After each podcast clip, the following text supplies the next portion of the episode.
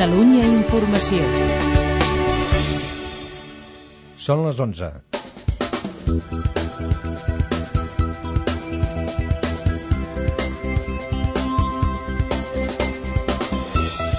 El considerat nou camp militar d'ETA, Itzol Iriondo, l'han detingut a França només tres setmanes després que va caure el seu antecessor, Gariscois Espiasu Cherokee.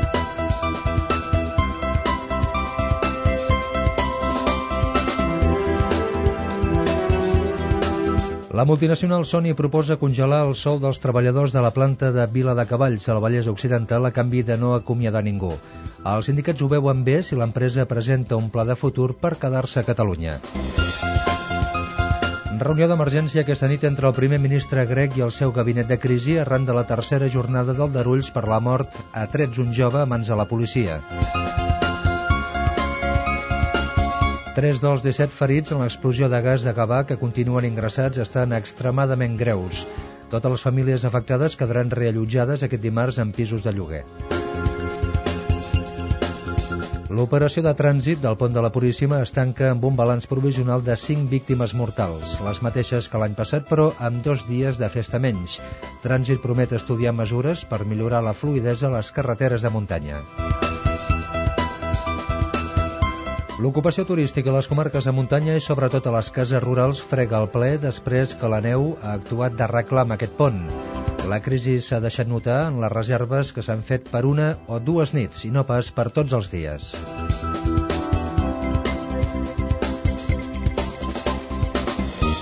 Catalunya Informació. Els esports. L'entrenador del Barça, Pep Guardiola, recela del paper de víctima del Madrid davant del partit que els enfrontarà dissabte al Camp Nou. El Barça juga abans, demà concretament, contra el Shakhtar Donetsk a la Champions, però amb el primer lloc del grup assegurat. Això fa que Guardiola reservi fins a 8 titulars. A l'Espanyol de la Penya torna del camp del Betis amb una sobrecàrrega al tendó d'Aquiles i és dubte per jugar dissabte a València i en bàsquet se li complica el fitxatge de Moissó al DKB Joventut, l'arribada de Sergi Escariol a la banqueta del Quim Quirrús, on juga Moissó, pot frenar-ne el traspàs.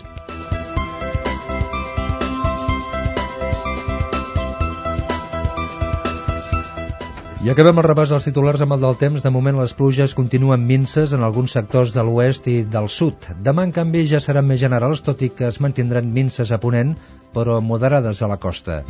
Al Pirineu hi nevarà entre feblement i moderadament per damunt dels 1.600 metres al matí, si bé baixarà fins als 1.000 metres de cara al vespre. Les temperatures començaran un descens que dimecres serà notable.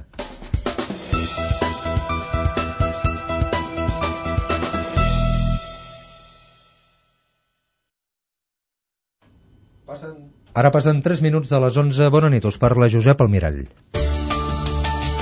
Catalunya Informació. Tenim tot el temps. El considerat nou cap militar d'ETA, Itzol Iriondo Yarza, l'han detingut a França només tres setmanes després que va caure el seu antecessor, Gariscois Espiatsu Cherokee. A Irondo l'han detingut a la població de Jardé, al sud de França, juntament amb, dos, amb els dos presumptes membres alliberats de l'organització terrorista Neko Zarrabieita i Aitor Arteche. El ministre de l'Interior, Alfredo Pérez Rubalcaba, ha comparegut aquest vespre i ha explicat que Iriondo, o el seu antecessor, va ser qui va ordenar l'atemptat d'Ignacio Uría la setmana passada. En este tiempo se ha producido un atentado, un asesinato, el de Ignacio Uría. No es arriesgado decir que o bien él o bien Cherokee, antiguo responsable máximo del aparato militar de ETA, serían los responsables de ese asesinato, o bien Cherokee o bien Aichol Iriondo. Y ya puedo decirles y reiterar una vez más que los asesinos de Ignacio Uría serán también puestos a disposición de los jueces. Rubalcaba ha dit que la col·laboració entre la policia francesa i la Guàrdia Civil ha permès la detenció de la suposada cúpula militar d'ETA. Després de la rapidesa per capturar el substitut de Cherokee, el ministre ha fet aquest advertiment a l'organització armada. De la misma forma, les quiero decir que no sé si algún terrorista está pensando en este momento sustituir a Ichol Iriondo. Lo que sí les puedo garantizar es que desde este mismo momento estamos ya buscándole. Y así, una y otra vez, hasta que esto termine. El ministre de l'Interior ha afegit que ara s'haurà d'investigar si va ser Cherokee o Aitzol Iriondo l'autor de l'assassinat de dos guàrdies civils a la població francesa de Cap Breton. Pel que fa als altres dos detinguts aquest dilluns, Enenco Sabarrabeitia i Aitor Arteche eren dos dels suposats aterres més buscats per la policia i molt pròxims a la direcció de l'organització terrorista. Catalunya Informació. Sony planteja una congelació salarial per als treballadors de la seva planta a Vila de Cavalls, al Vallès Occidental. Els directius de la companyia creuen que aquesta fórmula servirà per fer més competitiva la factoria davant la caiguda del consum. Tant el sindicat UGT com comissions obreres estan disposats a negociar aquesta congelació de sou sempre que la companyia presenti un pla de viabilitat que garanteixi la seva continuïtat a Catalunya. La proposta de Sony ha coincidit amb la visita del president de la Generalitat a la seu central de la multinacional japonesa. N'informa l'enviat especial de Catalunya Informació a Tòquio, Joan Trias. La Generalitat crida una entesa entre empresa i sindicats perquè tinguin posicions flexibles davant el panorama de crisi. José Montilla és sabedor de la caiguda de vendes de televisors, el producte que es fa a Vila de Cavalls, ha estat del 50%. Ara bé, sosté que a Tòquio la qüestió dels salaris amb Sony no s'ha tocat no se'ns ha demanat res de moment, eh? però vull dir, no, en la reunió no hi ha hagut cap demanda concreta, però sí la nostra predisposició a, com deia, a col·laborar en, especialment quan pateixen, eh, com és aquest i molts altres casos, no? davallades molt importants de les seves vendes, entre altres coses fruit de la caiguda del consum. Ja fa cinc mesos que la multinacional de l'electrònica va avisar de la necessitat de millorar la competitivitat si no es volia fer fora 275 treballadors dels 1.400 de la planta. Avui, el responsable de Sony a Espanya, Pedro Navarrete, ha proposat reduir costos a base de congelar el salari o bé rebaixar el conveni específic dels treballadors de la fàbrica que està per sobre del conveni general del ram del metall. A finals d'any tindran enllestits els pressupostos que inclouran les mesures. Sobre aquesta decisió de la multinacional Sony, el secretari general adjunt de Convergència i Unió, Felip Puig, ha afirmat que la seva formació també hauria d'haver estat present en aquesta visita pel seu coneixement en les inversions que es van fer al Japó.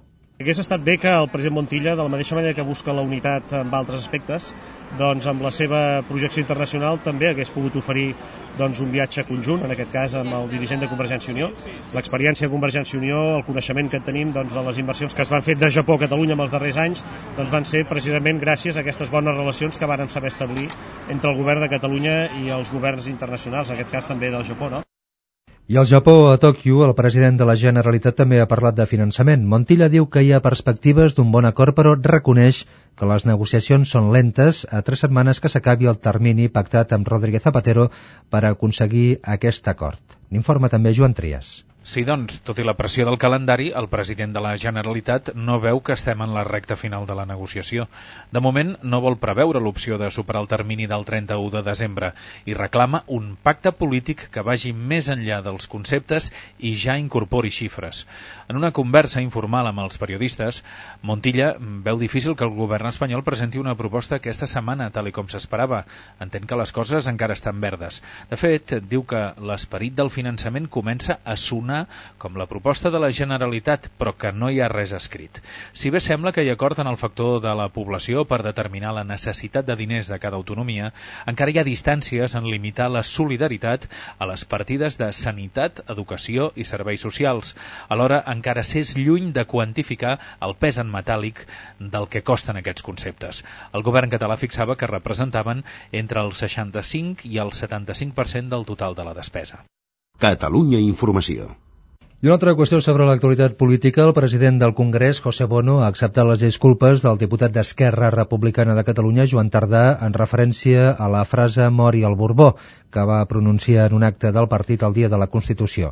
Bono ha dit que tothom es pot equivocar i ha afegit aquest comentari sobre Tardà. Tardá no es un desalmado. Sin embargo, pues es un poco impulsivo, quizá algo primario en su modo de, de, manifestarse y esto puede confundirse. Y siempre que pueda hablaré en favor de los diputados, lo cual no significa que asuma lo que los diputados digan. Però des del PP, el Partit Popular, no es conformen amb les explicacions i demanen a tardar que torni l'escó al diputat. A més, la seva portaveu al Congrés, Soraya Sainz de Santa Maria, ha reclamat al PSC i al president de la Generalitat que trenquin el govern tripartit. Le pedimos al Partido Socialista en su conjunto y al Partido Socialista de Cataluña que obre en consecuencia. Son inadmisibles estas declaraciones y nadie justifica que se mantenga un tripartito con unos socios de gobierno que arremeten contra el modelo de convivencia, arremeten contra la monarquía.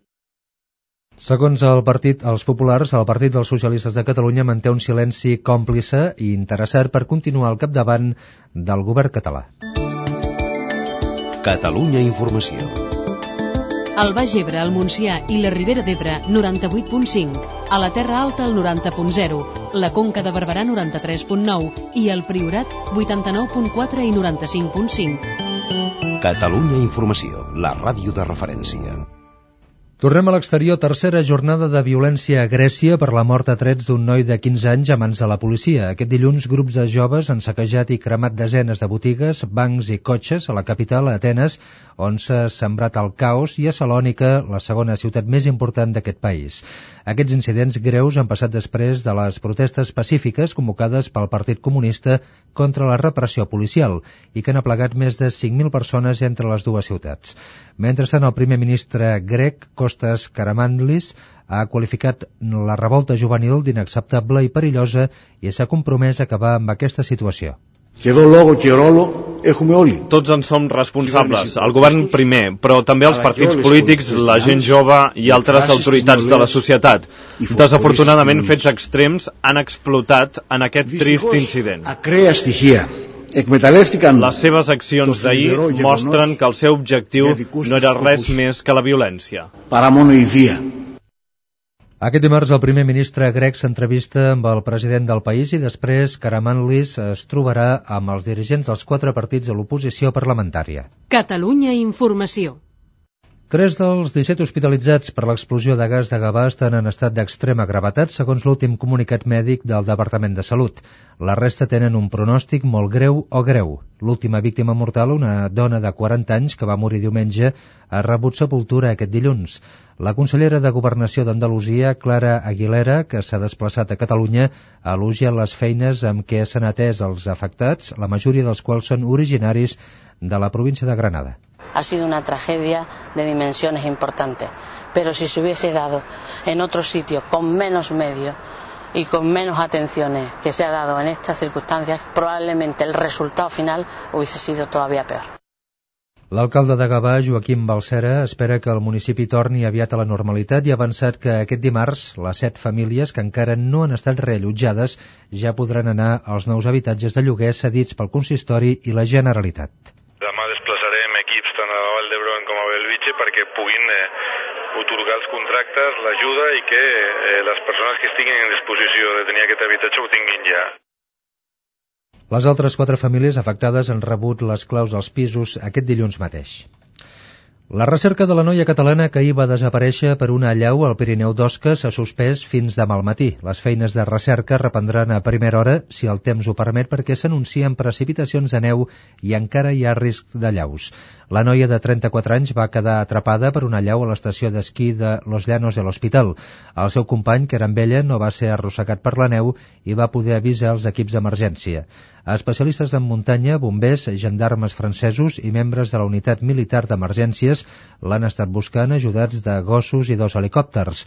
Un dels responsables del rescat ha admès que eh, la situació a les feines es fan difícils perquè la víctima es troba en una zona d'alta muntanya. Cinc persones han mort a les carreteres catalanes des de divendres quan es va posar en marxa l'operació especial del pont de la Puríssima. Són les mateixes víctimes que el 2007, però aquest, aquest pont era mm, de tot just tres dies, a diferència del de l'any passat. Trànsit reconeix que el balanç és dolent i de les cinc víctimes, tres han estat motoristes. El pont trenca així la tendència a la baixa dels accidents de moto, com ha admès a Catalunya Informació el director del Servei Català de Trànsit, Josep Pérez Moya continuem treballant per reduir i, i mantenir la tendència que en, al llarg d'aquest any estem tenint a la sinestralitat amb motocicletes. De fet, tenim una reducció important respecte a la de l'any passat. Per tant, la, les campanyes que hem anat fent de sensibilització i la comprensió de la majoria d'usuaris ha facilitat aquesta reducció, però això no treu que hi hagin repunts negatius com aquest pont Les retencions tant de sortida com de tornada s'han concentrat a les carreteres que porten al Pirineu, sobretot la C-17 a Vic i la C-16 a Berga. A la C-17, Trànsit estudiarà mesures excepcionals de cara a l'any que ve, després de les cues històriques de dissabte per anar al Mercat Medieval de Vic i a la Fira de l'Avet d'Espinelves. I un altre vessant d'aquest pont, amb el reclam de la neu, les previsions d'ocupació eh, s'han complert i els allotjaments de les comarques del Pirineu han fregat gairebé el ple. A les comarques de Lleida la mitjana ha estat del 85% i a la demarcació de Girona, tant el Ripollès com la Cerdanya han hagut de penjar el cartell de complet. Les cases de turisme rural han omplert tant, s'han omplert tant a les zones de muntanya com a les comarques de l'interior. La crisi s'ha notat amb un canvi d'hàbits, com ha explicat des de la Federació d'Associacions d'Agroturisme de les comarques de l'interior de Catalunya, el seu president Josep Maria Soler. La crisi també afecta aquest sector, encara que, encara que no es digui que no ens afecta gaire, però una mica també.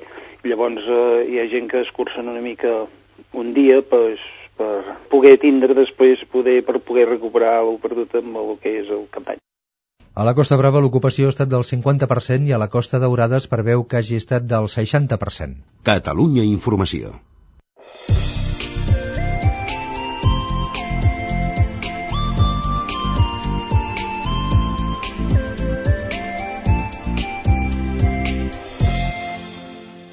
A Catalunya Informació ara la crònica del temps amb Francesc Mauri. S'acosta la pertorbació, de moment pluja dèbil i dispersa en alguns punts de les comarques de Tarragona, del sud de Lleida, del sud de Barcelona, poqueta cosa, però l'observatori que de moment ha recollit més pluja, el, situat al peu del Montcaro, al terme de Roquetes, amb 12 litres per metre quadrat.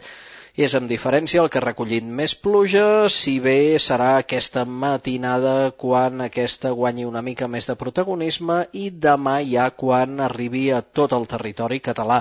Això sí, cal destacar que serà la costa on plogui més, l'interior on plogui menys i aquesta pluja que serà moderada cap a la costa, dèbil cap a l'interior, seria en forma de neu al Pirineu entre feble i moderada, la seva intensitat en aquest sector de muntanya amb una cota de neu que acabarà el dia cap als 1.000 metres, si bé el podria començar cap als 1.600 metres. Les temperatures iniciaran un descens que, atenció, dimecres serà brusc, amb l'arribada de vents al nord i nord-oest, encara amb ruixats de neu al Pirineu, a qualsevol cota, i a la zona costanera central i prelitoral central aquí pot haver algun ruixat escadusser amb cota de neu de 600 a 800 metres tan sols, per ponent però bastant més sol. Catalunya Informació. Més notícies en una hora.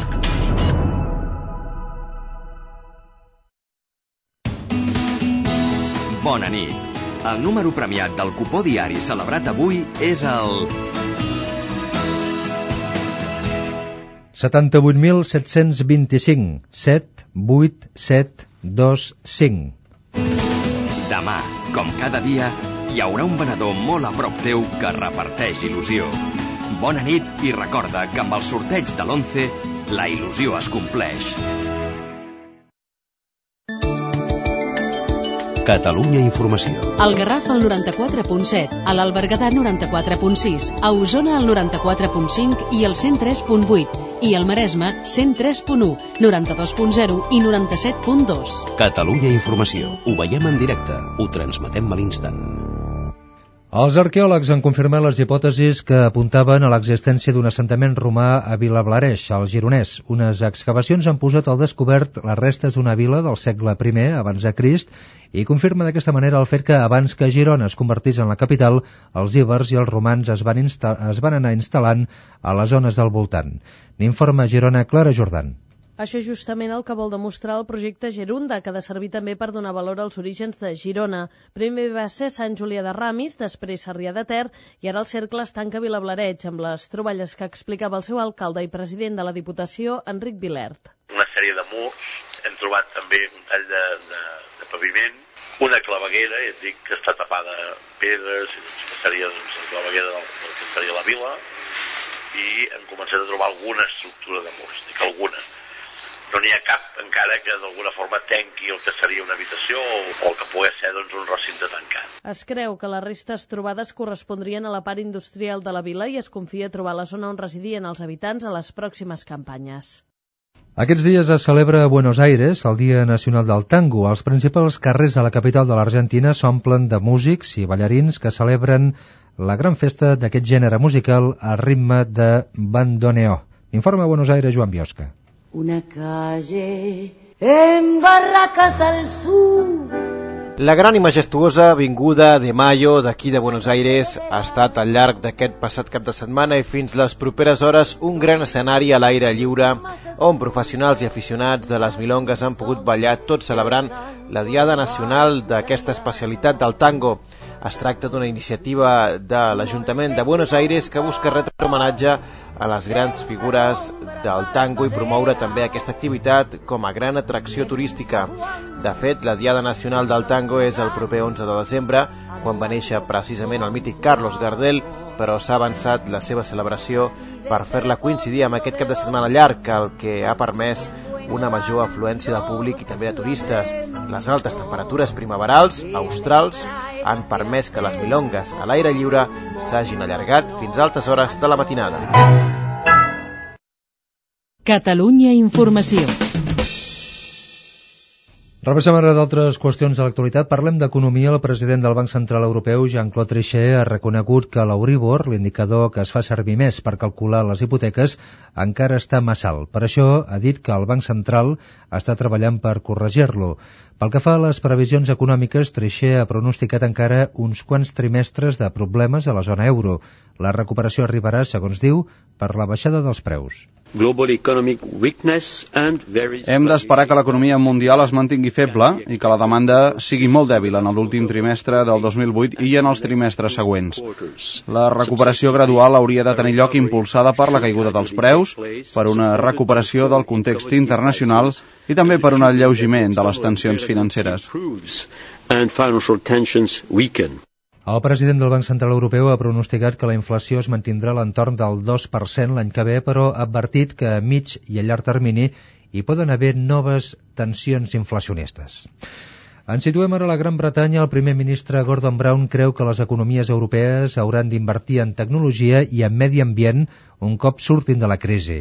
Brown s'ha reunit a Londres amb el president de torn de la Unió Europea, Nicolas Sarkozy, i el de la Comissió, José Manuel Durau Barroso, per preparar el Consell Europeu que es farà dijous i divendres a Brussel·les.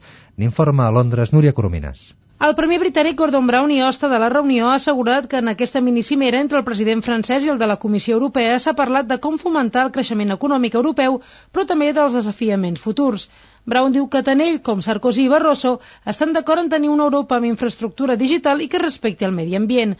Però a la reunió no ha estat present la cancellera alemanya, Angela Merkel, i és que el govern alemany, malgrat les crítiques i pressions, es resisteix a destinar més diners per finançar les mesures de la Unió Europea, que han de servir per fomentar el creixement econòmic de la zona euro.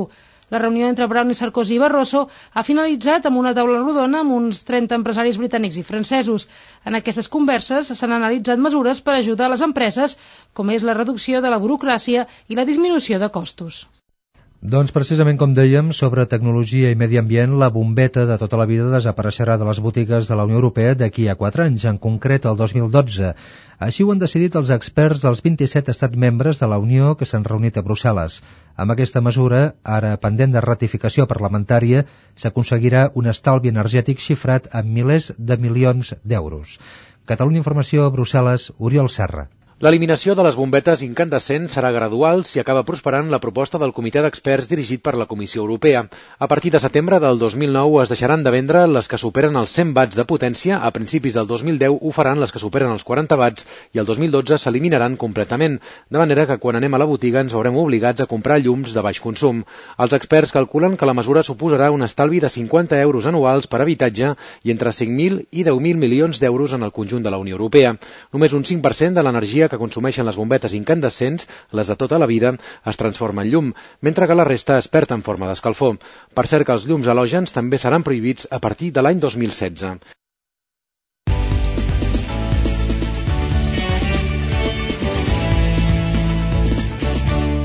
I ara la informació esportiva, Jordi Castanyeda, bona nit. Bona nit, Josep. El Barça té demà un partit intrascendent de la Champions contra el Shakhtar Donetsk abans del gran partit de la setmana, el Barça-Madrid de dissabte a les 10. Per això Guardiola no ha convocat 8 dels titulars de dissabte contra el València i s'emporta 4 jugadors del filial per completar la llista. Són Botia, Torres, Abraham i Víctor Sánchez, a més de Piqué, que no van jugar dissabte. El tècnic blaugrana, Guardiola, explica les claus de l'èxit. El que ens possibilita estar en la situació que estem, que només és aquesta, a dia de, de desembre, és que és el primer dia l'últim els jugadors hi van. I això és el que més content, a mi és el que més content em fa, el que més, que la gent pel carrer o per això et diguin és que al minut 70, 80 seguiu guanyant, seguiu, seguiu, això és com a entrenador el que més orgullós em fa i que agraeixo molt als jugadors aquest detall. La resta és el talent, que això es té o no es té, i com el Barça és un equip gran, doncs tinc la sort de, de, tenir, de tenir aquests jugadors. L'entrenador madridista, Bernd Schuster, precisament va dir ahir que davant d'un Barça tan fi és impossible de guanyar. Avui el capità madridista Raúl ha reclamat més orgull. Yo creo que, que la temporada todavía es muy larga, que hay objetivos eh, muy importantes y que vamos a seguir la misma línea, ¿no? Con dificultades porque tenemos muchas bajas, eh, muchas lesiones, sancionados, pero, pero vamos a ir a, a por todas porque sabemos la camiseta que, que defendemos, al club al que pertenecemos y, i no és moment ara de, de bajar los brazos. El Madrid, però, haurà de patir fins a última hora per un altre jugador. Drente ha sentit una punxada a la coixa dreta a l'entrenament d'avui i junt amb Snyder és dubte per aquest Barça-Madrid. A l'Espanyol, Ivan de la Penya va tornar de Sevilla amb problemes musculars. Una sobrecàrrega al tendó d'Aquiles de la cama dreta el fa ser dubte per jugar dissabte a València. Ferran Coromines, que va marcar el camp del Betis, parla dels canvis que ja ha imposat el nou entrenador, Mané. Ell està treballant l'aspecte anímic, també ha treballat l'estratègia i pel partit del Betis també vam treballar el contraatac i bueno, a vegades sí que fa falta un revulsiu o un canvi i en aquest sentit sí que ens ha anat bé per, per poder puntuar i, i començar a sumar punts. Parlem ara de bàsquet, perquè el DKB Joventut pensava en el jugador del Kimki de Rússia, Moisó, per rellevar el pivot Mensa Bonsu. El traspàs, però, s'ha vist afectat en les últimes hores pel canvi que hi ha hagut a la banqueta del Kimki, on hi ha arribat Sergio Escariolo, que assegura que Moisó no li ha fet saber que vulgui anar-se'n a la penya. Miraremos y, y haremos eh, todas las, las, consideraciones del caso. Luego, eh, otra cosa es que el jugador, eh, cosa que no me consta, quiera irse. Entonces, en ese momento es difícil retener a un jugador que te diga que se quiere ir, pero esto no ha pasado hasta ahora. No sé si pasará, pero bueno, de momento es inútil hablar de hipótesis. I en el món del motor, el català Dani Clos ha pilotat un Fórmula 1 com a provador de l'equip Williams. Ho ha fet aquest dilluns al circuit de Jerez. Clos ha fet quatre voltes sense errors amb un cotxe que portava un aleró i el sistema KERS obligatori per a la pròxima temporada de la Fórmula 1. Dani Clos explicava a Catalunya Informació les diferents proves que ja ha fet amb els Williams. Bueno, sí, és la segona vegada que agafo el Williams aquí a, a pista també havia fet algunes proves aerodinàmiques a Anglaterra, vàries, també vaig fer un motor show a Brasil i, i la veritat és que he encantat. I el tenista d'Olot, Tomi Robredo, ha guanyat el Masters estatal al Ferrol després d'imposar-se a la final a Nicolás Almagro en 3 sets, 4-6, 6-3 i 6-2. Robredo explica com ha viscut el partit.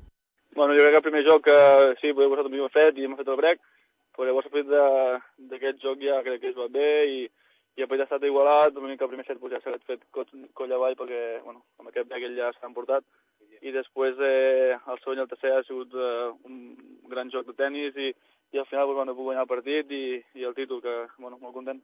Robredo ja s'havia emportat el Masters estatal l'any 2005 a Valladolid. Catalunya Informació. I tornant al futbol i a la Champions, atenció a l'Olímpic de Marsella Atlètic de Madrid d'aquest dimarts, un partit on els radicals del Marsella ja han anunciat accions de protesta contra la detenció d'un seguidor del seu equip en els incidents que van viure radicals d'aquest club i la policia espanyola en el partit de la primera volta. Aquests seguidors marcellesos han demanat a l'afició calma, però que protestin no entrant al camp a veure el partit. Esportivament, l'Atlètic de Madrid s'hi juga a acabar primer del seu grup. Per tant, sí que té incidència esportiva aquest eh, partit de demà entre el Marsella i l'Atlètic de Madrid. En hoquei herba femení a la Lliga, resultat d'aquest dilluns, Atlètic de Terrassa 3, Polo 1.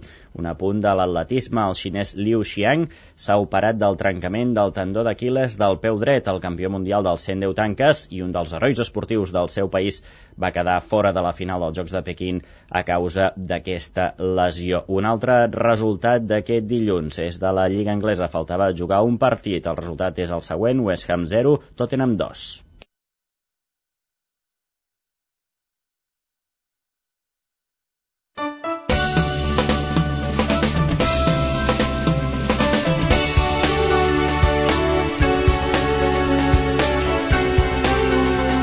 Catalunya Informació. Bona nit, són dos quarts a dotze.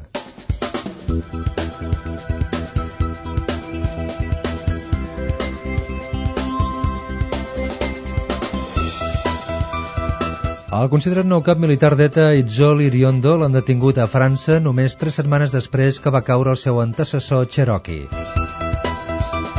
La multinacional Sony proposa congelar el sou dels treballadors de la planta de Viladecavalls, al Vallès Occidental, a canvi de no acomiadar ningú.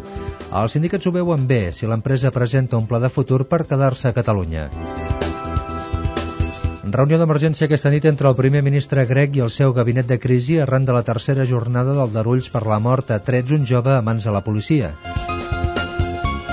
Tres dels 17 ferits en l'explosió de gas de Gavà que continuen ingressats estan extremadament greus. Totes les famílies afectades quedaran reallotjades aquest dimarts en pisos de lloguer. L'operació de trànsit del pont de la Puríssima es tanca amb un balanç provisional de 5 víctimes mortals, les mateixes que l'any passat, però amb dos dies de festa menys. Trànsit promet estudiar mesures per millorar la fluidesa a les carreteres de muntanya. L'ocupació turística a les comarques de muntanya, sobretot a les cases rurals, frega el ple després que la neu ha actuat de reclam aquest pont. La crisi s'ha deixat notar en les reserves que s'han fet per una o dues nits i no per a tots els dies.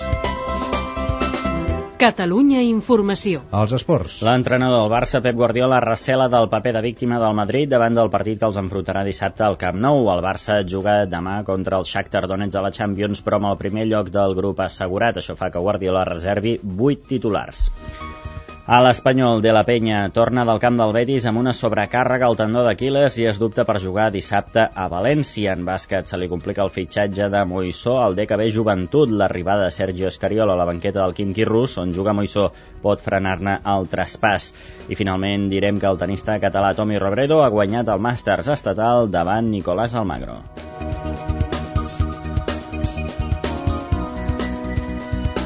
I el temps, de moment les pluges continuen minces en alguns sectors de l'oest i el sud. Demà, en canvi, ja seran més generals, tot i que es mantindran minces a ponent, però moderades a la costa. Al Pirineu hi nevarà entre feblement i moderadament per sobre dels 1.600 metres al matí, si bé baixarà als 1.000 metres de cara al vespre. Les temperatures començaran un descens que dimecres serà notable.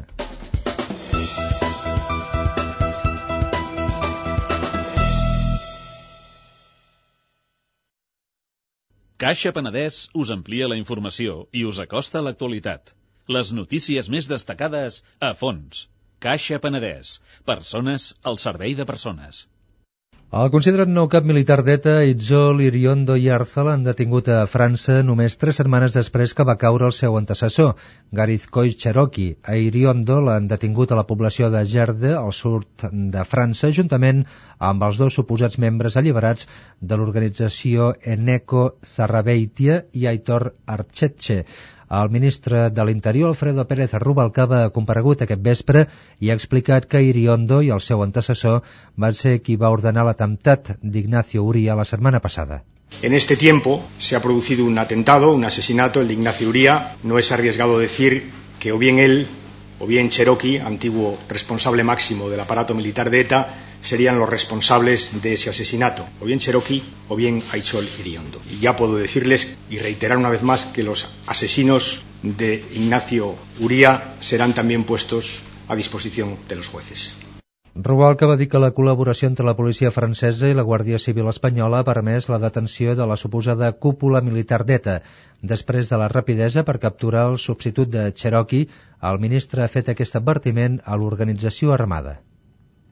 De la misma forma, les quiero decir que no sé si algún terrorista está pensando en este momento sustituir a Ichol Iriondo.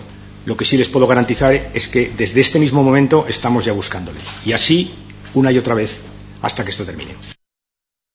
El ministre de l'Interior ha afegit que ara s'haurà d'investigar si va ser Cherokee o bé Aitzol Iriondo, l'autor de l'assassinat de dos guàrdies civils a la població francesa de Cap Breton. Catalunya Informació.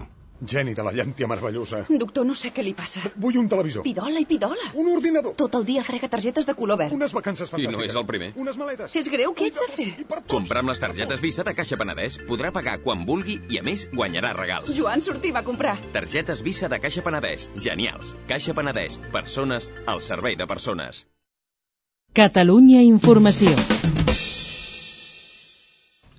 La multinacional Sony planteja una congelació salarial per als treballadors de la seva planta de Vila de Cavalls, al Vallès Occidental. Els directius de la companyia creuen que aquesta fórmula servirà per fer més competitiva la factoria davant la caiguda del consum. Tant la UGT com Comissions Obreres estan disposats a negociar aquesta congelació de sous sempre que la companyia presenti un pla de viabilitat que garanteixi la seva continuïtat a Catalunya. La proposta de Sony ha coincidit amb la visita del president de la Generalitat a la seu central de la multinacional japonesa. Catalunya Informació enviat especial a Tòquio, Joan Trias. La Generalitat crida una entesa entre empresa i sindicats perquè tinguin posicions flexibles davant el panorama de crisi. José Montilla és sabedor de la caiguda de vendes de televisors, el producte que es fa a Vila de Cavalls, ha estat del 50%. Ara bé, sosté que a Tòquio la qüestió dels salaris amb Sony no s'ha tocat no se'ns ha demanat res de moment, eh? però vull dir, no, en la reunió no hi ha hagut cap demanda concreta, però sí la nostra predisposició a, com deia, a col·laborar, especialment quan pateixen, eh, com és aquest i molts altres casos, no? davallades molt importants de les seves vendes, entre altres coses, fruit de la caiguda del consum. Ja fa cinc mesos que la multinacional de l'electrònica va avisar de la necessitat de millorar la competitivitat si no es volia fer fora 275 treballadors dels 1.400 de la planta. Avui, el responsable de Sony a Espanya, Pedro Navarrete, ha proposat reduir costos a base de congelar el salari o bé rebaixar el conveni específic dels treballadors de la fàbrica que està per sobre del conveni general del ram del metall. A finals d'any tindran enllestits els pressupostos que inclouran les mesures. D'altra banda, Joan, el president de la Generalitat també ha parlat de finançament. Montilla diu que hi ha perspectives d'un bon acord, però reconeix que les negociacions són lentes a tres setmanes només que s'acabi el termini pactat amb Zapatero per aconseguir l'acord. Sí, doncs, tot i la pressió del calendari, el president de la Generalitat no veu que estem en la recta final de la negociació. De moment, no vol preveure l'opció de superar el termini del 31 de desembre i reclama un pacte polític que vagi més enllà dels conceptes i ja incorpori xifres. En una conversa informal amb els periodistes, Montilla veu difícil que el govern espanyol presenti una proposta aquesta setmana, tal com s'esperava. Entén que les coses encara estan verdes. De fet, diu que l'esperit del finançament comença a sonar com la proposta de la Generalitat, però que no hi ha res escrit. Si bé sembla que hi acord en el factor de la població per determinar la necessitat de diners de cada autonomia, encara hi ha distàncies en limitar la solidaritat a les partides de sanitat, educació i serveis socials. Alhora, encara s'és lluny de quantificar el pes en metàl·lic del que costen aquests conceptes. El govern català fixava que representaven entre el 65 i el 75% del total de la despesa. Catalunya Informació. Tenim tot el temps. Tercera jornada de violència a Grècia per la mort a trets d'un noi de 15 anys a mans de la policia. Aquest dilluns grups de joves han saquejat i cremat desenes de botigues, bancs i cotxes a la capital, Atenes, on s'ha sembrat el caos, i a Salònica, la segona ciutat més important del país. Aquests incidents greus han passat després de les protestes pacífiques convocades pel Partit Comunista contra la repressió policial i que han aplegat més de 5.000 persones entre les dues ciutats. Mentrestant, el primer ministre grec, Costas Karamanlis, ha qualificat de la revolta juvenil d'inacceptable i perillosa i s'ha compromès a acabar amb aquesta situació. Tots en som responsables, el govern primer, però també els partits polítics, la gent jove i altres autoritats de la societat. Desafortunadament, fets extrems han explotat en aquest trist incident. Les seves accions d'ahir mostren que el seu objectiu no era res més que la violència. Paramonoidia.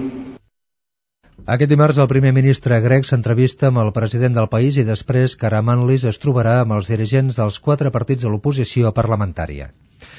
Tornem a Catalunya. Tres dels 17 hospitalitzats per l'explosió de gas de Gavà estan en estat d'extrema gravetat, segons l'últim comunicat mèdic del Departament de Salut. La resta tenen un pronòstic molt greu o greu. L'última víctima mortal, una dona de 40 anys que va morir diumenge, ha rebut sepultura aquest dilluns.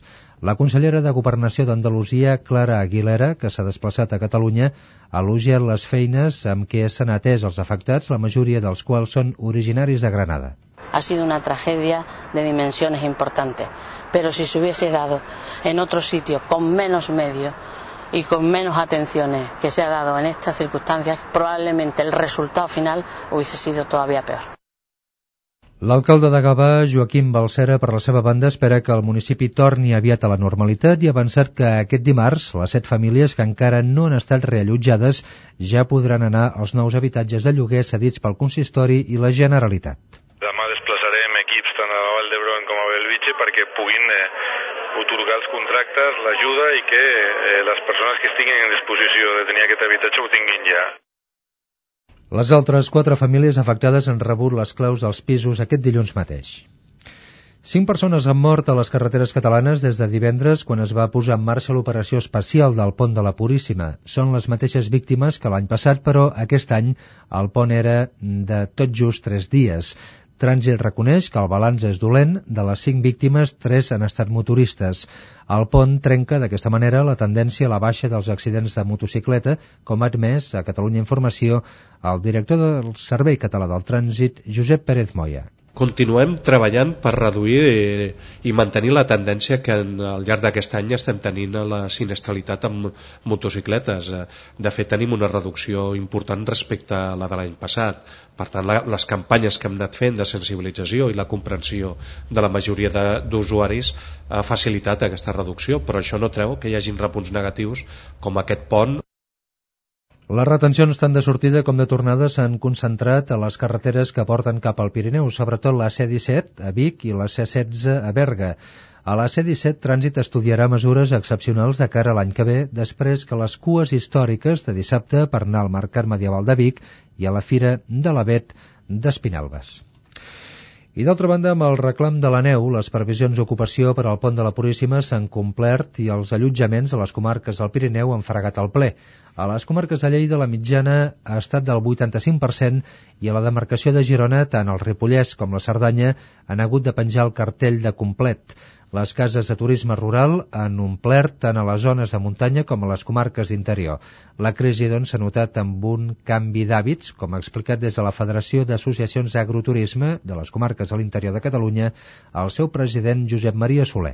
La crisi també afecta aquest sector, encara que, encara que no es digui que no ens afecta gaire, però una mica també.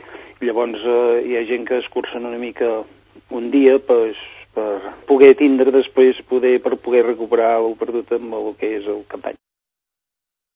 A la Costa Brava l'ocupació ha estat del 50% i a la Costa Daurada es preveu que hagi estat del 60%. Continuem parlant d'economia, però des d'un altre àmbit. El president del Banc Central Europeu, Jean-Claude Trichet, ha reconegut que l'Euribor, l'indicador més utilitzat per calcular les hipoteques, encara està massa alt. Per això ha dit que el Banc Central Europeu està treballant per corregir-lo. Pel que fa a les previsions econòmiques, Trichet ha pronosticat encara uns quants trimestres de problemes a la zona euro. La recuperació arribarà, segons diu, per la baixada dels preus. Hem d'esperar que l'economia mundial es mantingui feble i que la demanda sigui molt dèbil en l'últim trimestre del 2008 i en els trimestres següents. La recuperació gradual hauria de tenir lloc impulsada per la caiguda dels preus, per una recuperació del context internacional i també per un alleugiment de les tensions financeres. El president del Banc Central Europeu ha pronosticat que la inflació es mantindrà a l'entorn del 2% l'any que ve, però ha advertit que a mig i a llarg termini i poden haver noves tensions inflacionistes. I el primer ministre britànic Gordon Brown creu que les economies europees s'hauran d'invertir en tecnologia i en medi ambient un cop surtin de la crisi. Brown s'ha reunit a Londres amb el president de torn de la Unió Europea, Nicolas Sarkozy, i també amb el president de la Comissió, José Manuel Durau Barroso, per preparar el Consell Europeu que se celebrarà dijous i divendres d'aquesta setmana a Brussel·les. N'informa a Londres Núria Coromines. El primer britànic Gordon Brown i hoste de la reunió ha assegurat que en aquesta minicimera entre el president francès i el de la Comissió Europea s'ha parlat de com fomentar el creixement econòmic europeu, però també dels desafiaments futurs. Brown diu que tant ell com Sarkozy i Barroso estan d'acord en tenir una Europa amb infraestructura digital i que respecti el medi ambient.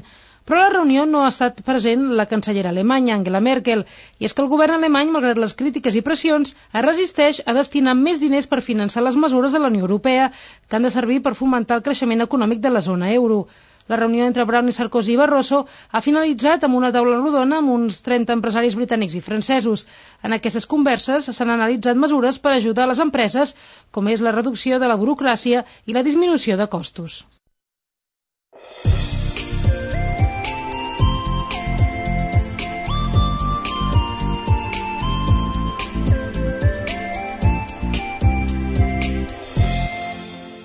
La informació del temps amb Francesc Mauri. S'acosta la pertorbació, de moment pluja dèbil i dispersa en alguns punts de les comarques de Tarragona, del sud de Lleida, del sud de Barcelona, poqueta cosa, però l'observatori que de moment ha recollit més pluja, el, situat al peu del Montcaro, el terme de Roquetes, amb 12 litres per metre quadrat.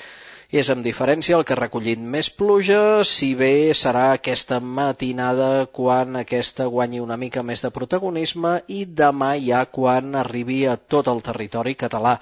Això sí, cal destacar que serà la costa on plogui més, l'interior on plogui menys i aquesta pluja que serà moderada cap a la costa, dèbil cap a l'interior, seria en forma de neu al Pirineu entre feble i moderada, la seva intensitat en aquest sector de muntanya amb una cota de neu que acabarà el dia cap als 1.000 metres, si bé el podria començar cap als 1.600 metres.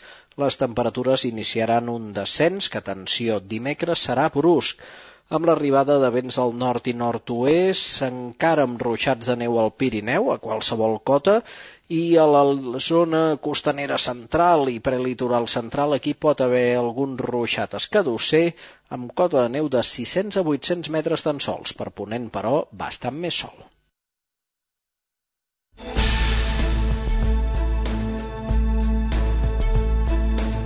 La previsió del temps i les temperatures actualitzades a l'instant.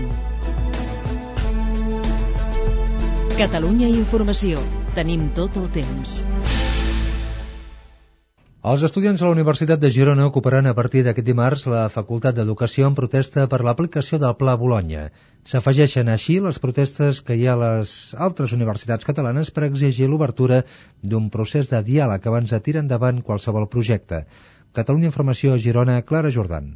Els estudiants es manifestaran a partir de les 7 de la tarda pel centre de la ciutat i després ocuparan les dependències de la Facultat d'Educació.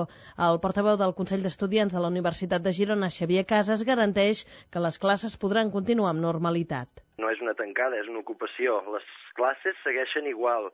No s'impedeix a ningú que faci classe, sinó que hi ha una proposta alternativa que sí que es pot solapar amb horaris, eh, en tot moment a la Facultat d'Educació i Psicologia. Es faran tallers, activitats, xerrades, eh, pròpies del funcionament de les comissions que s'han creat. La rectora de la UDG, Anna Maria Geli, respecta la decisió dels estudiants, però és partidària d'una solució dialogada al conflicte. Respectem que tothom pugui tenir opinions, que tothom pugui pensar el que cregui més convenient i el que defensem sempre és que es pugui parlar de, del que hi hagi i del que vagi sortint. Els estudiants també reclamen poder participar en els òrgans de decisió de la UDG.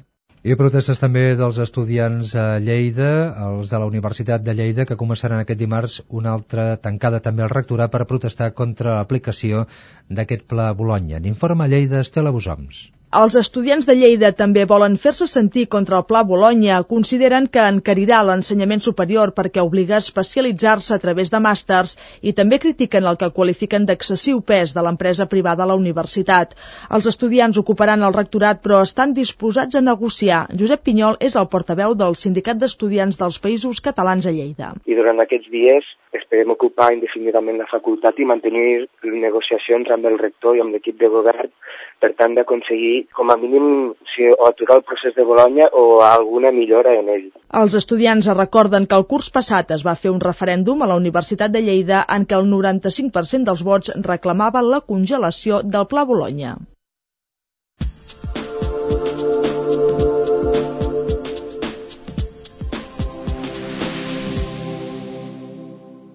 Tres quarts i cinc minuts de dotze, sortim a l'exterior. La Unió Europea s'afegeix a les veus que exigeixen la dimissió del president de Zimbabue, Robert Mugabe, incapaç de solucionar la crisi política, econòmica i sanitària que afecta el seu país. El ministre d'Afers Estrangers francès, Bernard Kouchner, ha insinuat que Mugabe podria estar implicat en la contaminació de les reserves d'aigües zimbabweses. El país africà pateix una epidèmia de còlera que ha matat més de 600 persones i n'ha afectat unes 60.000 més. I don't know about the exact no conec l'ús exacte que el senyor Mugabe ha fet de la còlera. Hem sentit que ell va vessar alguns productes químics. Chemical products. I don't know if what for. No sé exactament per què, no sé si és veritat, però honestament el preu que ha de pagar la gent de Zimbabue és massa alt.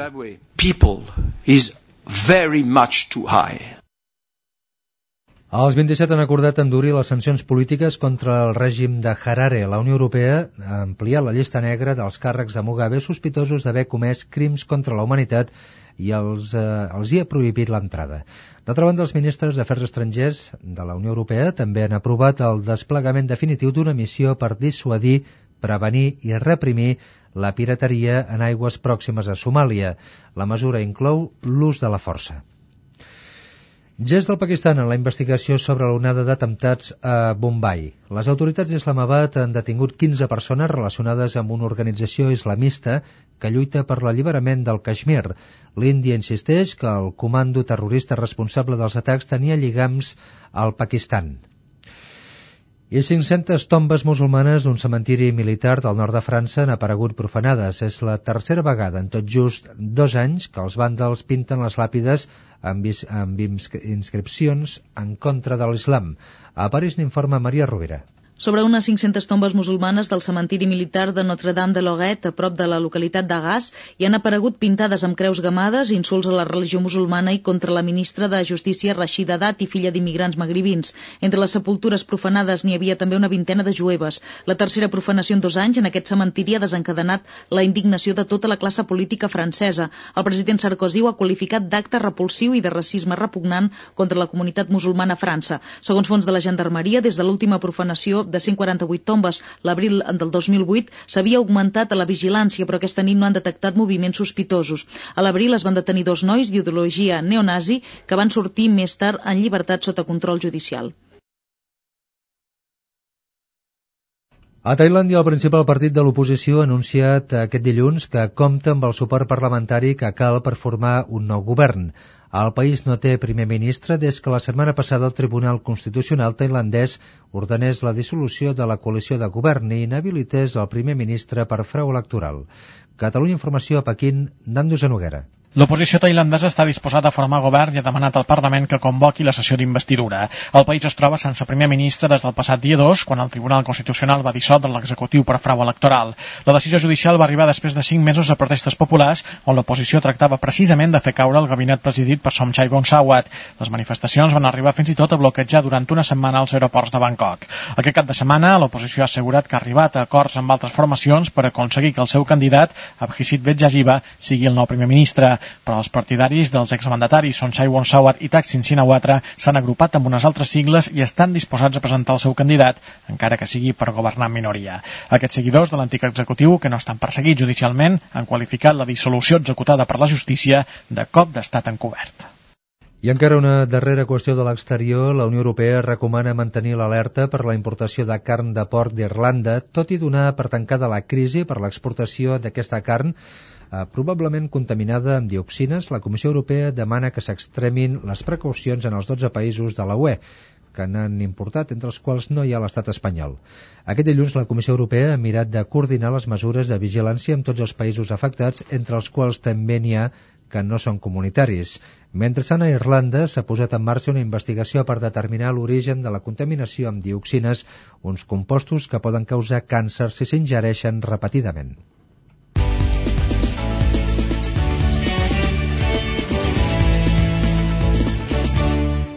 I ara tot seguit l'actualitat esportiva. Jordi Castanyeda, bona nit. Bona nit, Josep. Barça i Madrid ja tenen al cap el partit que els enfrontarà dissabte. Els blaugranes són líders sòlids i el Madrid ve d'una derrota contra el Sevilla que els ha deixat a 9 punts del Barça. De fet, l'entrenador madridista Bernd Schuster va explicar després de perdre el Bernabéu contra el Sevilla que és impossible que el seu equip guanyi el Camp Nou. El Barça, però, Guardiola no se'n refia i elogia el Schuster que coneix. Cuando era pequeño era un jugador impresionante, de los mejores que han pasado en la historia de este club, jugador de, de otro nivel. Eh, cuando llegó era, era capaz de, de, todo. Ha sido uno de los grandes centrocampistas de la historia del fútbol. Uh, un inmenso, un inmenso jugador. El blaugrana a Vidal admet que estan vivint un bon moment com a col·lectiu i que no obliden el 4-1 que el Madrid els va clavar la temporada passada al Bernabéu. Todos los partidos son diferentes, El año pasado a Madrid es un, estaba un partido muy, muy difícil. Ahora es un, una otra temporada con partidos diferentes, pero seguro que nosotros no, no hemos olvidado este partido. Abans de tot això, però, el Barça té partit de Champions demà contra el Shakhtar Donetsk amb els blaugrana ja classificats primers de grup i els ucraïnesos en plaça la UEFA com a tercers. El Barça es permet reservar 8 titulars respecte al partit de dissabte contra el València. En canvi, torna Piqué i la llista de convocats es completa amb quatre joves del filial. En canvi, el Madrid juga dimecres al Bernabéu per certificar el seu pas de ronda com a segons de grup i ho farà amb un altre jugador tocat, Drente, que aquest dilluns ha sentit una punxada a la cama dreta durant la sessió preparatòria. A l'Espanyol, l'equip assegura que el punt que van sumar al camp del Betis els fa pujar molt la moral, malgrat que per primer cop en aquesta lliga s'ha posat en zona de descens. El davanter blanquiblau que va marcar, Ferran Coromines, està convençut de salvar la categoria. Hi ha molts equips implicats en aquesta zona i, i bueno, sí que és cert que, que l'equip està allà baix, però bueno, jo crec que amb l'equip que tenim i amb les ganes que tenim tots eh, ens en sortirem. La mala notícia que es va emportar l'Espanyol de Sevilla és la sobrecàrrega al tendó d'Aquiles de la cama dreta d'Ivan de la Penya, que fa que sigui dubte per jugar dissabte a València. I tornant a la Lliga de Campions, atenció a l'Olímpic de Marsella Atlètic de Madrid d'aquest dimarts, un partit on els radicals del Marsella ja han anunciat accions de protesta, com per exemple no entrar al camp, contra la detenció d'un seguidor del seu equip en els incidents que van viure radicals d'aquest club i la policia espanyola en el partit de la primera volta. Esportivament, a més, l'Atlètic de Madrid s'hi juga a acabar primer del seu grup i el seu entrenador Javier Aguirre vol acabar definitivament amb el capítol de Marsella. Ocupados estamos del partido, porque preocupados, ¿no? Yo pienso que se le ha dado mucha, mucho seguimiento y bueno, es un tema actual y es un tema distinto a todo lo que nos había pasado. Se, se, salió un poco de quicio, me parece. ¿no? Y ahora, bueno, pues a ver si cerramos ya el capítulo de Marsella mañana. Parlem de bàsquet. El DKB Joventut, que pensava en el jugador del Kimki de Rússia, Moissó, per rellevar el pivot Mensa Bonsu, té problemes. El traspàs, però, s'ha vist afectat, volíem dir, en aquestes últimes hores per un canvi que hi ha hagut a la banqueta del Kimki. Hi ha arribat en, com a tècnic Sergio Escariolo i assegura que Moissó no li ha fet saber res de que vulgui anar-se'n a la penya. Miraremos y, y haremos eh, todas las, las, consideraciones del caso. Luego, eh, otra cosa es que el jugador, eh, cosa que no me consta, quiera irse. Entonces, en ese momento es difícil retener a un jugador que te diga que se quiere ir, pero esto no ha pasado hasta ahora. No sé si pasará, pero bueno, de momento es inútil hablar de hipótesis. I en el món del motor, bones notícies per un català, Dani Clos, que ha pilotat un Fórmula 1 de l'equip Williams aquest dilluns al circuit de Jerez. Clos ha fet quatre voltes, no ha comès cap error en aquestes voltes que ha fet, amb un cotxe que portava un aleró i el sistema KERS, un sistema que ja és obligatori per a la pròxima temporada a la Fórmula 1. Dani Clos explicava a Catalunya Informació les diferents proves que ha fet amb l'escuderia Williams. Que agafo el Williams aquí a, a pista. També havia fet algunes proves aerodinàmiques a Anglaterra, vàries. També vaig fer un motor show a Brasil i, i la veritat és que he encantat. I en tennis, l'olotí Tommy Robredo ha guanyat el Masters estatal al Ferrol després d'imposar-se a la final a Nicolás Almagro en 3 sets, 4-6, 6-3 i 6-2. Robredo diu que es troba bé en la nova temporada. Per nosaltres és el principi de temporada, eh? o sigui, diguéssim que ja ho estem comptant com el 2009, perquè ja doncs, vam fer vacances, ja, ja portem dues setmanes així entrenant, i llavors, bueno, el que significa és que estic entrenant bé, que físicament doncs, m'estic posant en forma i, i la veritat que avui també físicament he estat molt bé, així que això m'ajuda molt a guanyar el partit. Ojalà pugui seguir aquest ritme, aquest nivell de físic tot l'any i, i sí que em doni moltes victòries. Robredo ja s'havia emportat el Masters estatal l'any 2005. Catalunya Informació. Un apunt d'hoquei herba perquè aquest dilluns s'ha jugat l'últim partit de la jornada de la Lliga en hoquei herba femení atlètic Terrassa 3, Polo 1 en atletisme. El xinès Liu Xiang s'ha operat del trencament del tendó d'Aquiles del peu dret. Recordem que el campió mundial dels 110 tanques i un dels herois esportius del seu país va quedar fora de la final dels Jocs de Pequín precisament a causa d'aquesta lesió.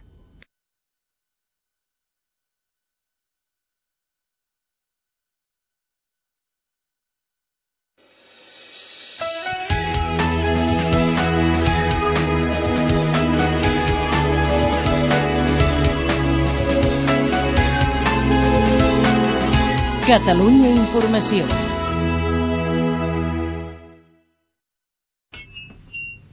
És mitjanit.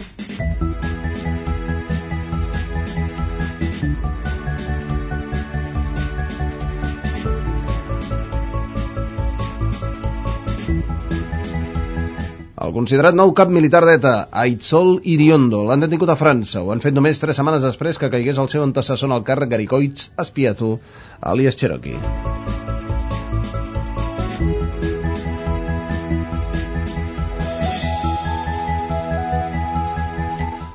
La multinacional Sony proposa congelar el sou dels treballadors de la planta de Vila de Cavalls al Vallès Occidental a canvi de no acomiadar ningú.